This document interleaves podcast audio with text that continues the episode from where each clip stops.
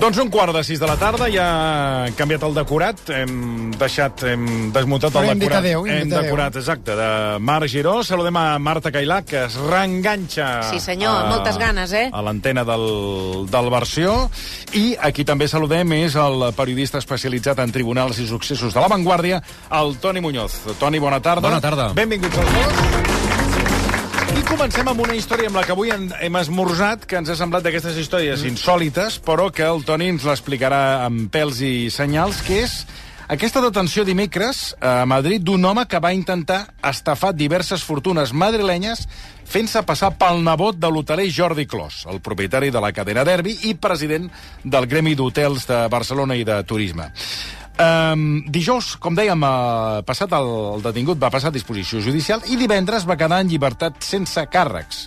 Sense càrrecs? No, amb càrrecs. Amb càrrecs. Va quedar amb Clar, càrrecs, sense càrrec. acusat, Això acusat de quatre delictes d'estafa i un contra la propietat intel·lectual. Ara explicarem una mica... A veure, eh, és el que anava a dir. Um, qui, qui, què sabem de la identitat d'aquest, que és un senyor, no? És un senyor de 45 anys que, a partir des de l'any passat, doncs que va començar a immiscuir-se, a introduir-se en els entorns de la Jet Set madrilenya. Mm. I ho feia amb l'excusa dient que era el nebot de Jordi Clos, el president del, del Gremi d'Hotelers de Barcelona. Com ho feia? Hem d'entendre que la gent sap qui és Jordi Clos en aquest entorn. En aquest entorn entenem que sí. Eh, sobretot, eh, va arribar fins a Esther Koplovich Déu-n'hi-do. i sempre amb el pretext que acabaria donant un milió d'euros a la seva fundació. Hi ha un detall que hem conegut fa, fa poques hores i que podem explicar, i és que, clar, per què se li va acudir Jordi Clos? Pues que aquest senyor, de 45 anys, el seu segon cognom és Clos. Hòstia. Quadrava, clar. I aleshores quadrava. Clar, clar, clar. Si tu dius el nom, Clar. no? clar ets, ets de la família Clos. Clar, aquest senyor es deia Miguel Ángel Ah, sí. X, no cal que diguem tot el nom, Miguel Ángel X Clos, de segon. Clar, I aleshores ella es presentava com el nebot Clar. de la- de l'empresari Jordi Clos. I ningú no sospitava, perquè Clar. el nom era el que era. Clar, perquè Clar. és Clos. Clar. Està, hòstia, està ben pensat, això, eh? Clar, aquí també aquí ja és una teoria pensat. que hem, fe, que hem fabricat, però també penses, home, potser ell no sabia que era Jordi Clos, va buscar alguna persona de renom i que, no sé, que freqüentés aquest tipus d'ambients i de, va, va pensar, mira, doncs Jordi Clos m'encaixa, Sí, sí, no? no, I no, potser clar. per això doncs, va fer servir aquest tipus de- d'excuses per anar-se acostant a aquestes eh, altes personalitats. O I, I va arribar a, co- a contactar o conèixer la, a l'Esther Koplovich. a l'Esther Koplovich i fins i tot va freqüentar algunes de les festes que es feien a casa seva. Vull dir que realment es va introduir... Perquè ell deia que volia fer una donació d'un milió d'euros a la Exacte. Fundació Esther Pues Koplovich. yo te digo una cosa, ¿eh? La Esther Koplovi, que vaya con cuidado porque gafe. Es Joder, gafe con el tema de los robos, de las estafas. Ah, sí, per què? Hombre, feo memoria. A- aquí fa unos meses va a venir la Mónica Plana a hablar de un lladre de, de alto copete que se llama Bersapo. Sí, el Ah, en sí? Sí. I el sapo, precisament, va, va, no només lo va presumir i va estar a punt, no, no, el sapo le va robar a la Koplovich los cuadros que va voler i més.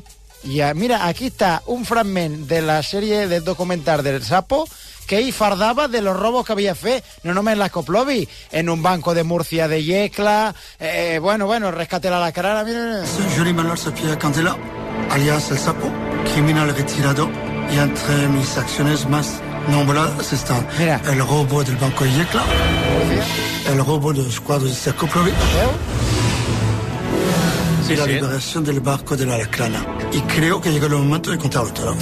Sí, sí, i va fer un documentari, venga, que bien, que buen ladrón soy. Per Crec tant, que, aquí- crec que cadascun dels quadres que li va robar el Sapo a Sí. Esther Koplovich o sigui que estaven valorats en 2.000 milions de pessetes d'aleshores. Sí, què Era una pasta, sí, Sí, sí. sí. Sí, sí, vull dir que, que el Sapo... I lo Però van- els va, els va arribar a trobar... Lo van a recuperar en Playa de Aro.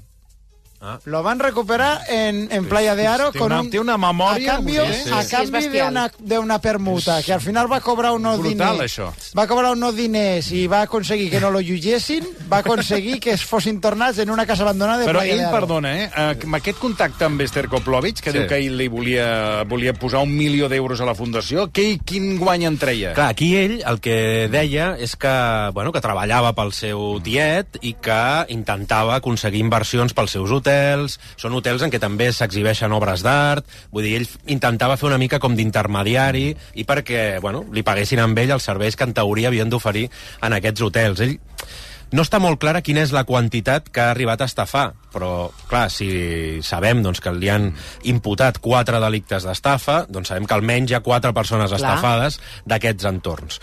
Un, Però no sabem altres, no sa- els altres estafats. No sabem quins són els altres estafats. Doncs deuen ser d'aquest eh, nivell. D'aquest nivell, i clar, les inversions que fan doncs no són poca cosa, no? Doncs, eh, Doncs ara ens hem quedat amb les ganes de saber. I se sabrà, això? Sí, home. Se sí. sabrà. Bueno, ja ens ho Doncs, explicaràs. Sí, sí, perquè d'aquí uns dies jo crec que podrem donar algun detall més, Mm. perquè, bueno, és aquesta persona, va quedar en llibertat, i sobretot com es va destapar, diguéssim, tot aquest cas.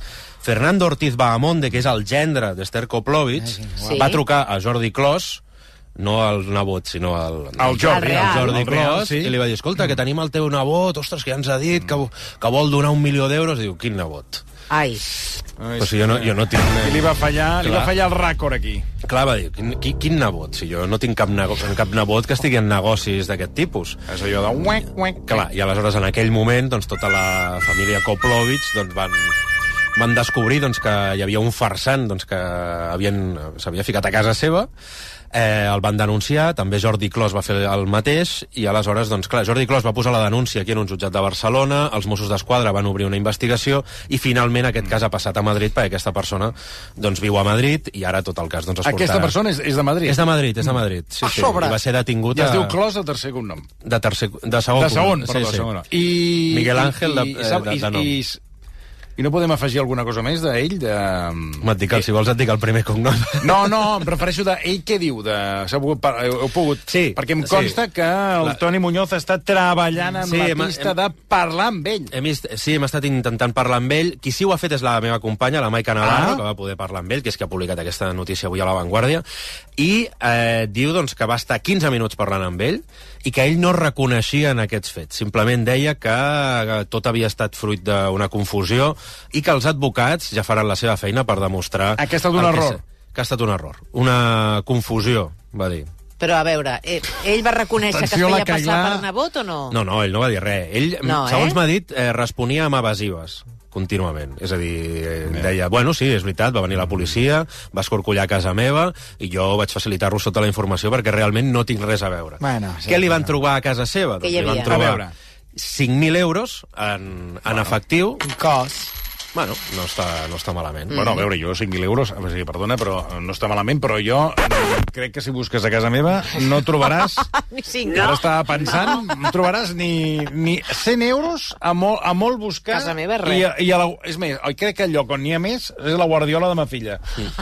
Allò, el, el porquet Pobreta, és on està més... és no? on està. Però la resta no metàl·lic, res. Al contrari, sempre, eh, quan necessitem eh, comprar Cos. una cosa en metàl·lic, sempre, qui té... Casa meva el mateix. Aquí té 20 Sí, sí, euros. Jo tinc un sí. pot a l'entrada amb monedes, però No digueu, que ho robaran. xavalla, xavalla... No, res. No, home, no, són, però monedes aquest que no valen senyor- res, aquest senyor també era la guardiola de, de l'entrada, 5.000 5.000 va euros, acumular al final 5.000 Déu-n'hi-do. euros, no? Allò que I què més? Res més? Res més. Li, es van endur dispositius informàtics, és a dir, per mirar una mica doncs, els ordinadors i, quin, i si pot haver-hi altres víctimes, i després també documentació, que això ja, diguéssim, vindria a ser el més habitual. Però, bueno, crida l'atenció aquests 5.000 euros que es van endur la Policia Nacional el dimecres passat, quan va ser detingut aquest Miguel Ángel X Clos, del qual hem parlat avui. Bueno, Miguel, ja tenim Miguel Ángel X Clos. I ara volem saber, o tard o d'hora sabrem amb qui més va, va tenir intents de, de, de, de presumpta estafa. Koplovich. Dit això, anem ara a Tàrrega, on la matinada de dissabte eh, dos lladres van matar d'un tret el propietari d'un habitatge, que van assaltar. Uns fets que hores d'ara estan investigant els Mossos d'Esquadra de la Divisió d'Investigació Criminal. Jo, quan vaig llegir la notícia per sobre, no vaig acabar d'entendre massa bé el, el, el motiu o el, o el fil de, de tot el que va passar, perquè és tot una mica estrany. No? Sí, és una mica estrany i sobretot en un primer moment es va comentar doncs, que potser estaríem darrere d'un cas d'una d'una revenja, no? Que Sí. eh, doncs, amb aquesta persona el van matar per alguna mena, algun assumpte tèrbol, però ara mateix la principal línia d'investigació és que no hi ha res de tot això, sinó simplement es tracta o es va tractar d'un assalt violent a casa d'aquest home, que es deia Joan Anguera, que tenia 86 anys, que estava dormint amb la seva dona i que eh, passats quarts de 5 de la matinada, de divendres a dissabte, dos persones van entrar a casa seva amb una arma i li van clavar un tret per l'esquena i sembla ser doncs, que seria un intent de robatori frustrat, que aquest home doncs, els va plantar cara amb aquests lladres i doncs, va... aquests lladres doncs, li van acabar disparant per l'esquena. Aquesta és ara mateix la principal hipòtesi amb la qual treballen els Mossos d'Esquadra. Eh, la víctima, el senyor Joan Anguera, doncs, era una persona coneguda al poble, sembla ser doncs, que era una persona doncs, que tenia diversos locals, tenia eh, diversos, diverses propietats i doncs, eh, sembla ser doncs, que podia tenir diners, i inclús eh, diners en metàl·lic a casa seva, allò que dèiem ara, no? Sí. I que per això, és a dir, els lladres sabien a qui anaven a robar. Aquest matí comentaven que eh, si aquest senyor anava explicant eh, pels bars i Sí. sí. diferents llocs del, de, de, de Tàrrega el que tenia. Sí, Que si tenia lingots d'or, que si tenia Sí. joies, que si tenia... Sí, clar, aquest, aquestes, a vegades, no, aquestes, eh, aquest ànim, diguéssim, de fardar una mica o de fer una ostentació de tot això, de dir el que tens, doncs sembla ser doncs, que això va atraure aquests lladres a dir, bueno, doncs anem a, anem a robar a casa seva. I finalment, doncs clar... Però no se sap res de ni qui eren ni... no, no se sap res. No, però clar, aquí sí que ha, podem de ser, deduir... ha, ha de ser algú que estava al bar, no? O allà parant l'orella. que estava al bar o que sabia que, o que pensava que potser a casa d'aquest senyor doncs, hi podien trobar Ara diners. l'atenció, ell tenia 86 anys, aquest Sí, sí. senyor. Era gran, i eren Era dos gran. contra un. Vull dir, Sí, que sí. podia fer aquest home? Per molta cara que plantés, i em diràs, és una persona de 86 anys, sí, sí, eh? sembla ser que a la casa no estava sol, vull dir, hi havia també el germà de la víctima que el van lligar i després hi havia la seva dona. Eh, bueno, doncs sembla ser doncs, que ell va intentar plantar-los cara, eh, es parla fins i tot doncs, que hauria tret una arma i que Ah. els lladres doncs, l'haurien li haurien disparat per, eh, per l'esquena. Clar, eh, estem parlant doncs, d'un fet eh, tràgic, vull dir, a Tàrrega, un, un robatori que finalment sembla ser que no es van endur res, i quan tot plegat doncs, es va descontrolar, doncs finalment doncs, van acabar matant aquest home, no? Mm. Bueno, Jo, noi, estic en estat de xof. De xoc, mira, això Estic vol en dir- estat de de xof, xoc. de, de, de, sí, això... Vostè, vostè, perdoni, vostè fa una cosa És aquí que- al programa que ja li he dit més d'un cop que no la faci, que és, eh, a vegades té un punt d'ostentació, de si té Bueno, sí. 90 pisos... Sí, 90, sí, Que- 300 Sempre explica pàrquings... tot el que té. Exacte, 300 que si pàrquings, pàrquing, que que si té els eh? pàrquings. 300 pàrquings. No, ja li he dit més d'un cop 90 que... pisos. No ho digui. És que ja tornem a estar amb el mat... Sempre està... I ho cobro tot amb caix, amb Sí, negre, eh? però No, és que no això- vull, no vull... Vigili, vigili. No, home, no, eh, jo, el Joan Enguera érem de- amics, eh? I, Després i ell va té dir que- armes... Després em va dir que vostè també tenia una, un fusell. Sí, tinc varis fusells de sal i, i armes Clar, de és que no- caça. no és la millor manera I de- no, i, i, i, i, i escolta'm, sempre se'n van els bons, eh? Ara, jo, per què no passin aquestes coses? Jo m'he muntat una habitació de la histèria amb una porta, amb una porta blindada i si m'entren a robar eh, hi ha un sistema de seguretat que si intentessin tombar la porta blindada hi ha Sí. unes càrregues explosives i l'habitació de la histèria saltaria pels aires, eh? Que no, robar no A robarien. veure, escolti, Jo em tanco allà dins i si intenten entrar, I su- allò vola pels però on estan les càrregues aquestes? A dins de l'habitació per destruir, que Però no que tinc no, els calés que no i la veu casa que morirà forta. vostè. Això que està dient vostè no té cap No, sentit. em Ell foto està sota blindat, ell està blindat. No, no, No, dintre que l'habitació. Ah, dintre. Clar, perquè no m'ataquin, em Imagina, tanco Toni, dins. li explotaran a vostè. Això no ho faci. Bueno, però... El que ha de fer és no, més... si no havia pensat. no, el que li recomano que sigui més... Eh, eh, més discret. Aquesta Sí, ha de ser discret, Més discret. No, però si tinc 90 pisos, per què me n'he d'amagar? És que tu, Bueno. aquí, aquí està el problema. Aquí No ho digui més. No ho digui, no ho digui. Escolta, més coses. I els Eh, diners no els tinc al banc, eh? ara, posa-li, posa-li. Cállate. Cállate, cállate. A veure, eh, més coses. Tenim una... El Toni Muñoz ens porta un apunt relacionat eh, amb Helena Jubany. A veure, Doncs sí, perquè tenim... perquè no- aquest és un cas que es tanca la carpeta, es torna a obrir la Mm, sí, sí. carpeta, les proves que es demanen no concorden, es torna a tancar, després la prova que es demana... On som ara mateix? Perquè jo ja m'he Doncs mira, som en què ara mateix en aquesta causa hi ha dos imputats, que són Santi La Iglesia i Xavi Jiménez, és a dir, dos companys... Encara estan, encara estan imputats. Encara estan imputats, sí, sí. A un eh, és Santi La Iglesia, que és aquí, en el programa Crims, doncs van dir amb, amb noms i cognoms que estava darrere de l'assassinat d'Helena Jubany. També s'ha de dir doncs, que no s'ha pogut demostrar al llarg d'aquests 20 anys doncs, que ell estigui al darrere, però tot i així el jutge doncs, l'ha imputat per intentar esgarrapar uns quants anys fins que el cas no quedi prescrit del tot per aquest eh, imputat, que és el 2025. I ara tenim l'altre imputat, que és Xavi Jiménez, que és una persona doncs, que van imputar el 2021, Sí. just el dia abans que es complissin 20 anys del, del crim i que, per tant, no es declarés prescrit. I ara tenim aquests do, aquestes dues persones. Aquestes dues persones s'ha d'intentar demostrar que ells són els culpables. Per què dic que són... s'ha s'ha d'intentar demostrar que són ells? Bueno, sempre que, que, que sigui així, eh? però em refereixo que si no volem que el cas quedi en no res, han de ser ells, perquè si no, no es pot imputar cap altra persona. Vull dir, Ja és no hi ha més No, hi ha més, no sospitosos? poden, Sí, o són ells o dos, són ells o no hi ha o cas. ningú, o no hi ha cas. Bueno, no hi ha cas. Hi ha un cas Hi ha persona un cas morta, persona però no es morta, pot resoldre. Efectivament. Val? Aleshores, el, ara mateix, quin és l'últim l'últim element que tenim d'aquesta investigació? Recordem que el juliol del 2022 es van trobar dues mostres d'ADN en el jersei que vestia la Sí, víctima, Helena sí. Jovany. Ho recordo perfectament. Val? I a partir d'aquí portem un any i pico intentant saber a qui correspon aquell ADN. Xavi Jiménez, un dels imputats, se li va fer una prova d'ADN, es va comparar amb aquest jersei i van dir que era negativa. Ara, a l'altre imputat, eh, Santi La Iglesia, se li va fer una prova d'ADN i també va sortir negativa. Negativa. I què va dir la família? Doncs aquí s'estava parlant que era una mescla de, dos, eh, de dues persones, aquest ADN. Per tant, la família el que volia és que es, que es barregés o que es busqués si això podia ser una barreja dels dos imputats, de l'ADN dels dos imputats. I aquesta prova, que és molt concreta i molt específica, només es podia fer a la Universitat de Santiago de Compostela, on, on es veu que tenen un, un departament de ciències forenses que és brutal. No? I aleshores el jutge, que ja, per fi doncs va caure que, això en mans d'un jutge que tenia ganes de resoldre el cas, va dir, d'acord, doncs hem d'intentar expremar al màxim les possibilitats. I va dir, d'acord, Universitat de Santiago de Compostela, feu aquesta prova i digueu-me si aquest ADN que hem trobat al jersei pot correspondre a una barreja dels dos imputats. Que és estra... Bueno, després ens expliques, però com, com és una barreja de dos ADNs? O sigui, o, o, no hi hauria d'haver dos ADNs? No haurien d'haver identificat. Hi ha un ADN de dues persones. Però aquí diuen És raríssim. d'almenys dues persones en un jersei. Però clar, per separat no quadra, Mm. però diuen a veure si pot ser una, aquest ADN pot ser una barreja Una de totes. Sí.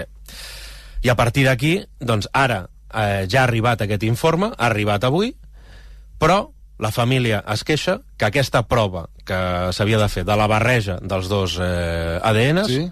no s'ha fet. I aleshores? No s'ha fet. Sí, sí, doncs aleshores, clar, eh, doncs ara, ara han demanat a veure que es faci. Perquè, clar, diu, amb les proves que s'han fet, després de tanta espera, al final arribem i el, el que han fet no és el que vam demanar. I com s'entén, això? Doncs mira, o sigui, que tu, dema que... tu demanes una prova concreta i no es fa aquesta prova? No, s'ha analitzat eh, l'ADN i això es veu, segons la família, mm. que ja s'havia fet aquí a Catalunya. Ja ho havien analitzat aquí, que quan ho porten a Santiago de Compostela és perquè facin aquesta, Aquesta prova barreja. més específica de la barreja. Mm. I això no s'ha fet. I ara doncs, han demanat al jutge que per cert ha canviat, aquell jutge que dèiem que tenia tantes ganes, Sí. doncs ara s'ha anat a, un- Ah, a un altre destí. i ara ha arribat un que és arribat més una- mandrós. Ara ha arribat un altre, i ara doncs, haurà de dir si li sembla correcte ja aquest informe que ha fet la Universitat de Santiago de Compostela, que torna a dir doncs, que no correspon a cap dels dos imputats, però que la família diu mm, anem a mirar a veure això de la barreja, i ara haurem d'esperar. Doncs la família ha presentat un recurs i veurem si la, aquesta jutgessa ho accepta, torna a enviar a aquest cas a la Universitat de Santiago de Compostela perquè faci aquesta última prova, o si ja es conforma i diu, d'acord, què hem de fer amb, amb això? Ho enviem a judici? No els enviem a judici? Presentin els seus escrits i aquí cadascú doncs, dirà, i dirà la seva. Veurem si la Fiscalia està a favor de, amb les proves que hi ha eh, a seure al banc dels acusats aquestes dues persones o si per contra considera que són massa dèbils aquestes eh, proves i no els vol asseure. Per tant, jo crec que en els pròxims mesos eh, tindrem notícia de tot plegat i veurem si el cas pot avançar o realment doncs, acaba en un no res. Abans d'acabar, eh, el Toni Muñoz escrivia a La Vanguardia mm, que l'Ajuntament es veurà obligat a autoritzar fins a 800... L'Ajuntament de Barcelona es veurà obligat a autoritzar fins a 886 pisos turístics. Com ha anat això? Doncs mira, això té a veure amb l'anul·lació del PEUAT. El PEUAT, per la gent que no ho sàpiga, era el Pla Especial eh, d'Urbanisme d'Allotjaments Turístics. Això és el pla que va aprovar l'alcaldessa Ada Colau l'any 2016, sí. que era el pla que prohibia construir nous hotels al centre de Barcelona, eh, i donar més llicències d'apartaments turístics. No? Això, eh, doncs, eh, mira, abans parlàvem no? del Gremi d'Hotelers de Barcelona, eh, Turisme de Barcelona, tota una sèrie d'entitats eh, i d'immobiliàries van presentar un recurs davant la justícia perquè consideraven que aquell pla eh, doncs, els hi mm, causava un greuge. No? Aleshores, allò ho van portar a la justícia i l'any 2019 van guanyar i van, la justícia va considerar que aquell pla eh, d'urbanisme eh, havia, de, eh, havia de ser nul, Que vol dir que no ha existit, és nul de ple dret. Val? Aleshores, eh, l'Ajuntament va presentar un recurs i va considerar doncs, que, bueno, fins que no hi hagués una sentència ferma, aquell pla d'urbanisme seguia vigent. No? Per tant, la prohibició d'otorgar noves eh, llicències, doncs quedava paralitzada. Però, quan va haver-hi aquesta primera sentència, que és el 2019, va haver-hi tota una sèrie de gent que, bueno, ara al final, amb bon ull, diguéssim, el seu criteri, una mica espavilats també, però les coses com va, siguin, sí, sí. van presentar una sèrie de, que no direm sol·licituds, sinó simplement comunicacions a l'Ajuntament dient, com que el pla aquest, que prohibeix això dels apartaments turístics... Ha quedat ha- és nul, anul·lat. Doncs jo l'informo que aquesta propietat meva passa a ser eh, d'ús turístic, turístic. i simplement doncs, eh, em po- em poso en contacte amb l'Ajuntament doncs, perquè em digui quines són les taxes que he d'abonar i tot això, però jo ja, donant per fet que ja podia adquirir aquesta, aquesta llicència. En aquell mateix moment doncs, l'Ajuntament va considerar doncs, que aquestes comunicacions no hi cabien, que no tenien... No tenien sentit. No tenien sentit i les va anul·lar. I aquesta gent doncs, ho van portar a la justícia, val? A- al TCJ. I finalment, quan la, la sentència ja va ser ferma, aquesta d'anul·lar el pla, el pla d'apartaments turístics, van considerar que aquelles sol·licituds o aquestes comunicacions eren vàlides. I, per tant, ara hi ha tota una sèrie de persones doncs, que van fer aquestes comunicacions dient a partir d'ara aquest pis serà de llicència d'ús turístic i la justícia els està donant la raó. I n'hi ha moltíssimes. És a dir, fins ara l'Ajuntament s'ho ha d'empassar perquè la justícia li diu, sí, sí, encara que vostè no vulgui apartaments turístics, aquest pla va quedar anul·lat i, per tant, no era vigent. Per tant, vostè, si volia, podia tenir una llicència d'ús turístic. I, clar, ara aquestes persones doncs, estan rebent aquestes sentències que els estan donant la raó i ja l'Ajuntament ha hagut d'autoritzar 615 eh, llicències turístiques d'apartaments turístics.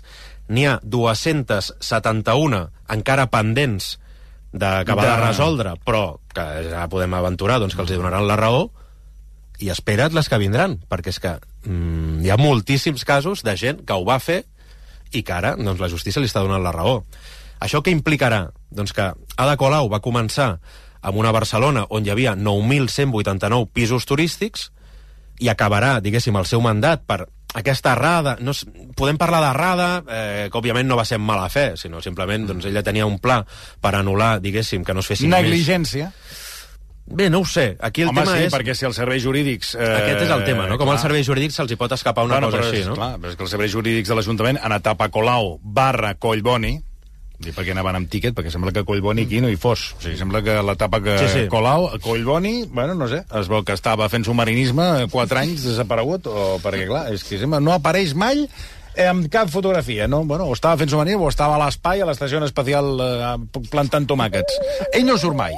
Però totes les causes judicials, eh, per exemple, la de, la, la de les superilles, Sí, les va perdre. També. Eh? La, aquesta... La, la de la eh, zona de baixes emissions. les zones de baixes emissions les ha perdut. És a dir, la gestió en aquest sentit de Colau barra Collboni és un desastre per, per a més, per, eh, no, no, o sigui, a part de que perds els contenciosos, és un, és, o sigui, és un desastre econòmic, mm, perquè aquí l'Ajuntament ha de rescabalar, o sigui, ara prepara't. Ara també, segons qui, quina sigui la resolució de les zones de baixes emis- emissions, l'Ajuntament haurà de tornar les multes que ha imposat. Uh, amb, amb la, per exemple, amb la de la superilla, o sigui, perquè s'ha imparat el sentit comú, però és, era per... a- O sigui, la, la sentència eh, el que feia era que s'havia de tornar a aixecar la superilla Sí, sí. i tornar a posar Sí, sí. carrers. O sigui, i, Clar, en i casos, ara el cas això- dels pisos turístics. Clar, en, aquests, ca- en aquests casos el que passava amb això és que l'Ajuntament sempre tenia un, un cert marge, no? És a dir, eh, anulen el tema de les zones de baixes emissions. Doncs d'acord, eh, l'Ajuntament fa un nou pla per la zona de baixes emissions que substitueix a l'anterior i d'aquesta manera ja s'adapten al que li demana la justícia. En aquest cas, per això, el que ha passat és diferent, i és que, malgrat que ells van fer un nou pla, dient, d'acord, tampoc no es pot construir al centre de Barcelona, no es poden fer nous hotels, no es poden donar noves llicències, el tema és que van considerar que era nul aquell pla. No que quedava, diguéssim, anul·lat fins No, no. que n'hi hagués Nul, un de nul. nou, sinó que era nul, nul. com si que no l'haguessin redactat. Exacte, com si no, no estava vigent, no hi havia cap pla en aquell moment. I clar, això és el que no ha donat marge a l'Ajuntament doncs, per poder regular tot això. I ara, diguéssim, s'ha d'empassar tots aquests pisos turístics, malgrat doncs, que no ho vulguin, no? Perquè realment, eh, clar, ara estàvem parlant doncs, que en l'etapa d'Ada d'Ada Colau i Collboni hi havia 9.189 pisos turístics, que ja són molts, i ara, després d'aquesta sentència, que, de, després d'aquest pla que no els hi va sortir bé, doncs eh, arribarem, de moment, a 10.075 pisos turístics a Barcelona. És un 10% més. I bé, i els que vindran, perquè jo crec que n'hi haurà més. Per tant... Mm, Sí, la gestió, diguéssim... Eh, bueno, els ha sortit al el- contrari del que volien. Sí, en algunes coses recorda la gestió de Josep Maria Bartomeu al capdavant del Barça, eh? Vull dir que... Una puta merda! No, bueno, no seria tant això, però la veritat és que hi ha algunes coses que no hi estaven, eh, tenien els pitjors assessors possibles. doncs avui ho deixarem aquí. Eh, Toni Muñoz, moltíssimes gràcies. A vosaltres.